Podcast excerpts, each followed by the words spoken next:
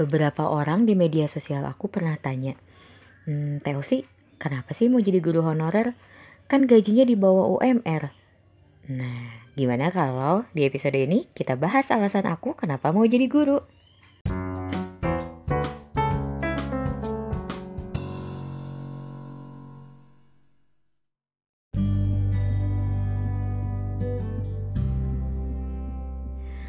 Everyone, welcome to my teacher daily bersama Osi. Sesuai uh, trailer minggu lalu ya Jadi di episode pertama kali ini aku akan merilis pertama kali podcast aku tentang alasan aku kenapa aku mau jadi guru honorer. FYI nih aku jadi guru itu sudah dari tahun 2018 Terus memang background pendidikan aku itu adalah guru. Jadi aku itu S1-nya adalah pendidikan teknik dan S2-nya pun juga masih berkisar tentang pendidikan yaitu kurikulum. Dan uh, sebenarnya linear sih ya. Cuman uh, waktu aku lulus S1 itu banyak dilema yang aku rasakan dan beberapa teman aku juga banyaknya kerjanya tuh di proyek karena kita itu lulusan pendidikan teknik sipil. Jadi nggak nggak sedikit sih ya yang memang kerjanya itu di proyek. Tapi aku sebenarnya memutuskan untuk jadi freelancer waktu itu. Jadi uh, aku jadi drafter iya. Terus kadang-kadang mungkin aku ngawas tapi masih seputaran proyek sih. Cuman bukan sebagai pekerja tetap Lalu di 2015 aku meneruskan S2 di kurikulum, pengembangan kurikulum dan uh, di situ aku mendapatkan passion aku sebagai pengembang kurikulum. Dan 2018 ketika sesudah menikah, aku memutuskan untuk menjadi guru. Uh, kalau mau tahu nih ceritanya awal-awal jadi guru, aku tuh mungkin denial meren ya karena aku merasa bahwa uh, ini buat ngisi kosong aja sih. Aku nggak cita-cita banget jadi guru gitu. Karena antara effort yang aku keluarkan dengan gaji yang aku dapatkan itu tidak sepadan. Pada saat itu aku berpikirnya seperti itu ya. Nah setelah dijalani waktu itu menjalaninya ya udahlah tahun depan aku mau resign aja. Terus di tahun depannya gak berani resign. Aku malah punya anak dan waktu itu berpikirnya ya kalau aku nyari kerjaan lagi otomatis aku akan mengalami perubahan kehidupan juga dong. Sementara aku baru punya anak dan gimana sih rasanya baru punya bayi ditinggal untuk uh, sesuatu yang kita belum pasti dapetin gitu. Kalau udah jadi guru kan ya kita udah tahu ya masuk jam 7 pulang jam 4 sudah tau lah pola kehidupan pekerjaannya seperti apa. Jadi aku belum berani. Nah di tahun kedua masih berpikir nih mau resign. Cuman uh, kenapa tidak resign? Ya karena ini sih alasan-alasannya. Yang pertama uh, aku itu mengajar di mata pelajaran produktif jadi karena aku mengajar di sekolah menengah kejuruan, aku ditempatkan di mata pelajaran mata pelajaran yang produktif. Jadi kan kalau di SMK tuh ada nama mata pelajarannya normatif kayak bahasa Indonesia, PPKN, agama. Nah, itu masuknya normatif. Nah, ada lagi yang produktif, itu sesuai kejuruannya. Kebetulan di sekolah aku yang produktif itu sangat jarang yang mau. Jadi kita sangat-sangat kekurangan guru. Itulah alasan kenapa aku tidak resign. Ad, ada rasa gak tega sih ya untuk resign gitu. Karena e, kalau aku resign ini siapa ya gantinya? Nanti anak-anak sama siapa ya gitu. Nah di sini nih aku sudah mulai mencintai pekerjaan aku. Terus alasan yang kedua adalah uh, sebagai ibu rumah tangga juga dan aku sebagai seorang istri buat aku mungkin sampai detik ini ya aku belum tahu nih profesi yang lebih fleksibel daripada guru. Fleksibelnya dalam arti kata gini aku masuk jam 7 ya lalu pulang jam 4 begitu terus Senin sampai Jumat karena di sekolah aku tuh full day ya jadi uh, memang masuk jam 7 pulang jam 4 dan sudah seperti itu dari Senin sampai Jumat. Uh, aku tidak tahu nih kalau misalkan aku pilih pekerjaan aku yang lain apakah aku akan mendapatkan waktu seefektif itu dan seefisien itu keluar rumah? Apakah nanti aku akan dapat lembur-lembur yang sampai malam? Atau aku keluar kota, dinas dan yang lain-lain gitu. Sementara kan kalau jadi guru hmm, paling keluar kotanya apa sih? Kalau kak pas study tour atau pelatihan mungkin ya tapi itu juga sangat jarang gitu. Jadi uh, kenapa salah satu alasan aku bertahan kenapa aku jadi guru ya itu tadi. Karena uh, waktunya lebih ramah keluarga mungkin ya.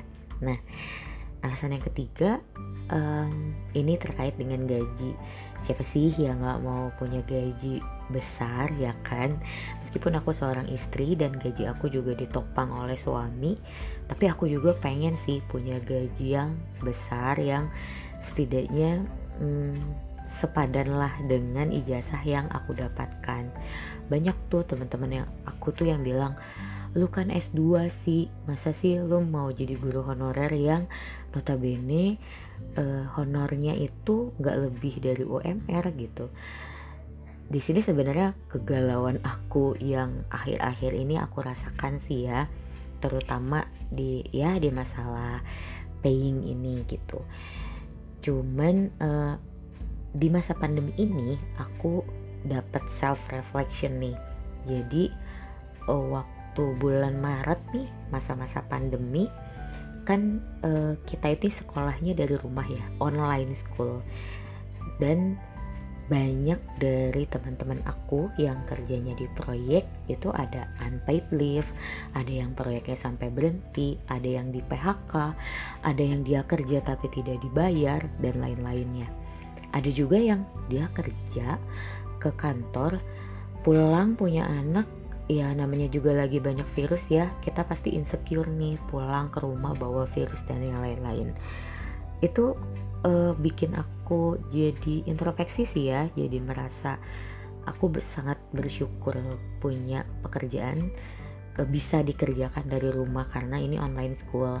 Terus juga um, meskipun aku tetap ke sekolah karena ada beberapa uh, mata pelajaran praktek yang gak bisa online tapi waktunya sangat-sangat fleksibel.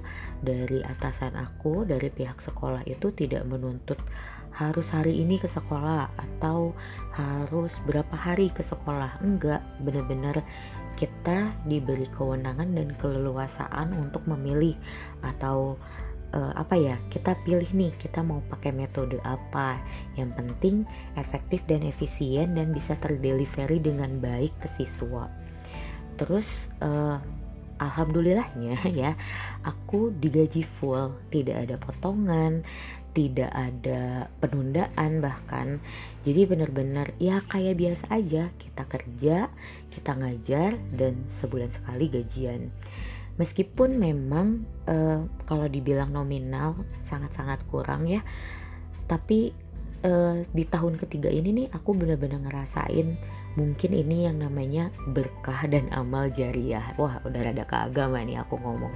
Tapi memang nih yang aku alamin adalah dulu nih sebelum aku jadi guru aku tuh gaji ya mungkin karena freelance ya sekali dapat kerjaan atau dapat project itu lumayan besar gitu. Tapi habisnya suka nggak terasa gitu. Jadi kadang-kadang loh kok tahu-tahu udah habis aja? Ah cari lagi project ah biar dapat duit gitu. Nah kalau ini aku tuh uh, padahal buat membiayai keluarga aku juga ya meskipun memang ada tambahan dari suami tapi suam, karena suami aku bekerjanya tidak tetap jadi fee tetap itu hanya dari aku otomatis kan aku membiayai keluarga juga gitu. Ya bayar listrik lah ya bayar wifi lah di rumah ya beli baju anak beli susu anak beli pampers dan lain-lain sebagainya. Tapi aku masih bisa nabung masih bisa makan enak masih bisa foya-foya sama teman-teman aku yang lain. Dan aku ngerasain keberkahan sih di sini karena sesedikit apa pun yang aku dapatkan itu uh, kayak ada kesenangan tersendiri gitu. Ada kebahagiaan yang gak bisa uh, diukur dengan uang gitu. Maksudnya meskipun uangnya sedikit atau banyak aku tetap merasa bahagia gitu merasa senang gitu sih. Nah alasan keempat adalah hmm, ini mungkin karena aku udah terlanjur cinta kali ya sama anak-anak. Jadi ada kepuasan tersendiri entah mungkin karena karakter atau mungkin memang anak-anak menengah sekolah menengah ini tuh memang lagi apa ya lagi asik-asiknya gitu ya diajak ngobrol. Aku tuh kayak punya adik dan oh adik kayak berasanya aku masih muda.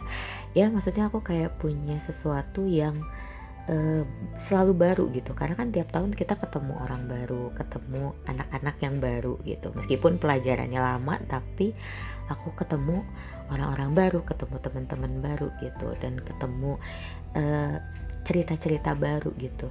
Ada ada apa ya rasa kebahagiaan tersendiri gitu ketika kita jalan terus dipanggil ibu ibu ibu sini sini sini. Terus mereka saling ngerubungin aku yang bikin aku ngerasa uh, aku tuh berharga gitu. Aku berharga buat mereka. Dan itu sesuatu yang mungkin menurut aku memang tidak ternilai oleh nominal sih ya. Jadi uh, jadi alasan kuat bahkan jadi apa ya jadi membuat aku sangat berat begitu meninggalkan mereka. Ada beberapa tawaran bukan aku sombong nih ya tapi memang uh, apalagi di tahun kemarin nih di tahun 2020 ada beberapa tawaran buat aku pindah pekerjaan. Terutama tawaran-tawaran karena aku sudah lulus ya aku lulus S2 itu 2019 dan di 2020 nih aku banyak dapat tawaran dengan memakai ijazah S2 sebagai kurikulum developer ini. Dan tawarannya sebenarnya banyak nominalnya nggak main-main ya saking mereka memang butuh itu butuh kompetensi aku cuman yang memang aku pikirkan adalah kalau aku ambil pekerjaan ini anak-anak gimana ya? Kalau aku ambil pekerjaan ini uh, nanti aku ngurus anak gimana ya? Apa aku bisa pulang tepat waktu? Apa aku bisa pulang apa aku bisa pulang nih? Masih sore-sore aku bisa pulang bisa main sama anak bisa punya waktu sama anak dan suami gitu. Jadi di masa-masa ini aku punya banyak pertimbangan kenapa aku masih bertahan sebagai guru honorer meskipun meskipun masih dibayar di bawah UMR ya tapi aku berharap memang um, nasib-nasib guru honorer ini bisa lebih baik ke depannya, bisa disejahterakan oleh negara. Yang aku denger nih ya, karena nanti ada pembukaan P3K, tapi aku sebenarnya nggak minat sih ya ikut seleksi itu gitu. Cuman Eh, semoga ini jadi titik terang buat negara kita bahwa mungkin mungkin ya ada banyak guru-guru macam aku yang memang bertahan bukan karena gaji tapi karena memang ada kebahagiaan tersendiri bisa menyalurkan energi-energi kita buat mengajar dan bisa ikut berkontribusi dalam mencerdaskan kehidupan bangsa. Cie. Ya pada intinya harapan aku uh, dengan adanya aku bilang seperti ini ya aku tidak akan menyebut nominal karena setiap sekolah setiap daerah itu punya standar honorernya masing-masing standar gaji buat honorernya masing-masing gitu. Aku tidak bisa nyebut nominal karena siapa tahu ada yang di bawah aku atau siapa tahu ada yang di atas aku. Nantinya akan menimbulkan kecemburuan sosial.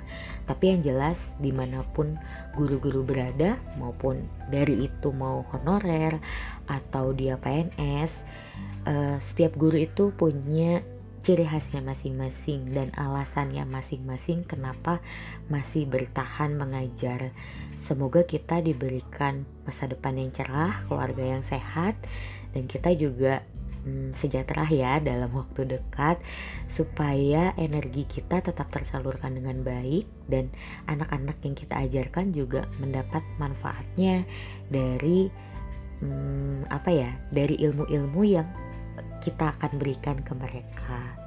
begitu mungkin episode yang bisa aku berikan di kali episode kali ini ya. Semoga bermanfaat bisa kasih gambaran ke kalian. Dan mungkin aku juga mewakili beberapa guru honorer yang masih tetap bertahan. Beberapa mungkin juga tidak pasti punya alasan-alasan lain dan punya pertimbangan-pertimbangan lain. Untuk next episode uh, mungkin akan ada topik yang cukup berat. Aku sudah prepare for this episode Uh, semoga bermanfaat dan sampai jumpa di episode berikutnya. A listen everyone.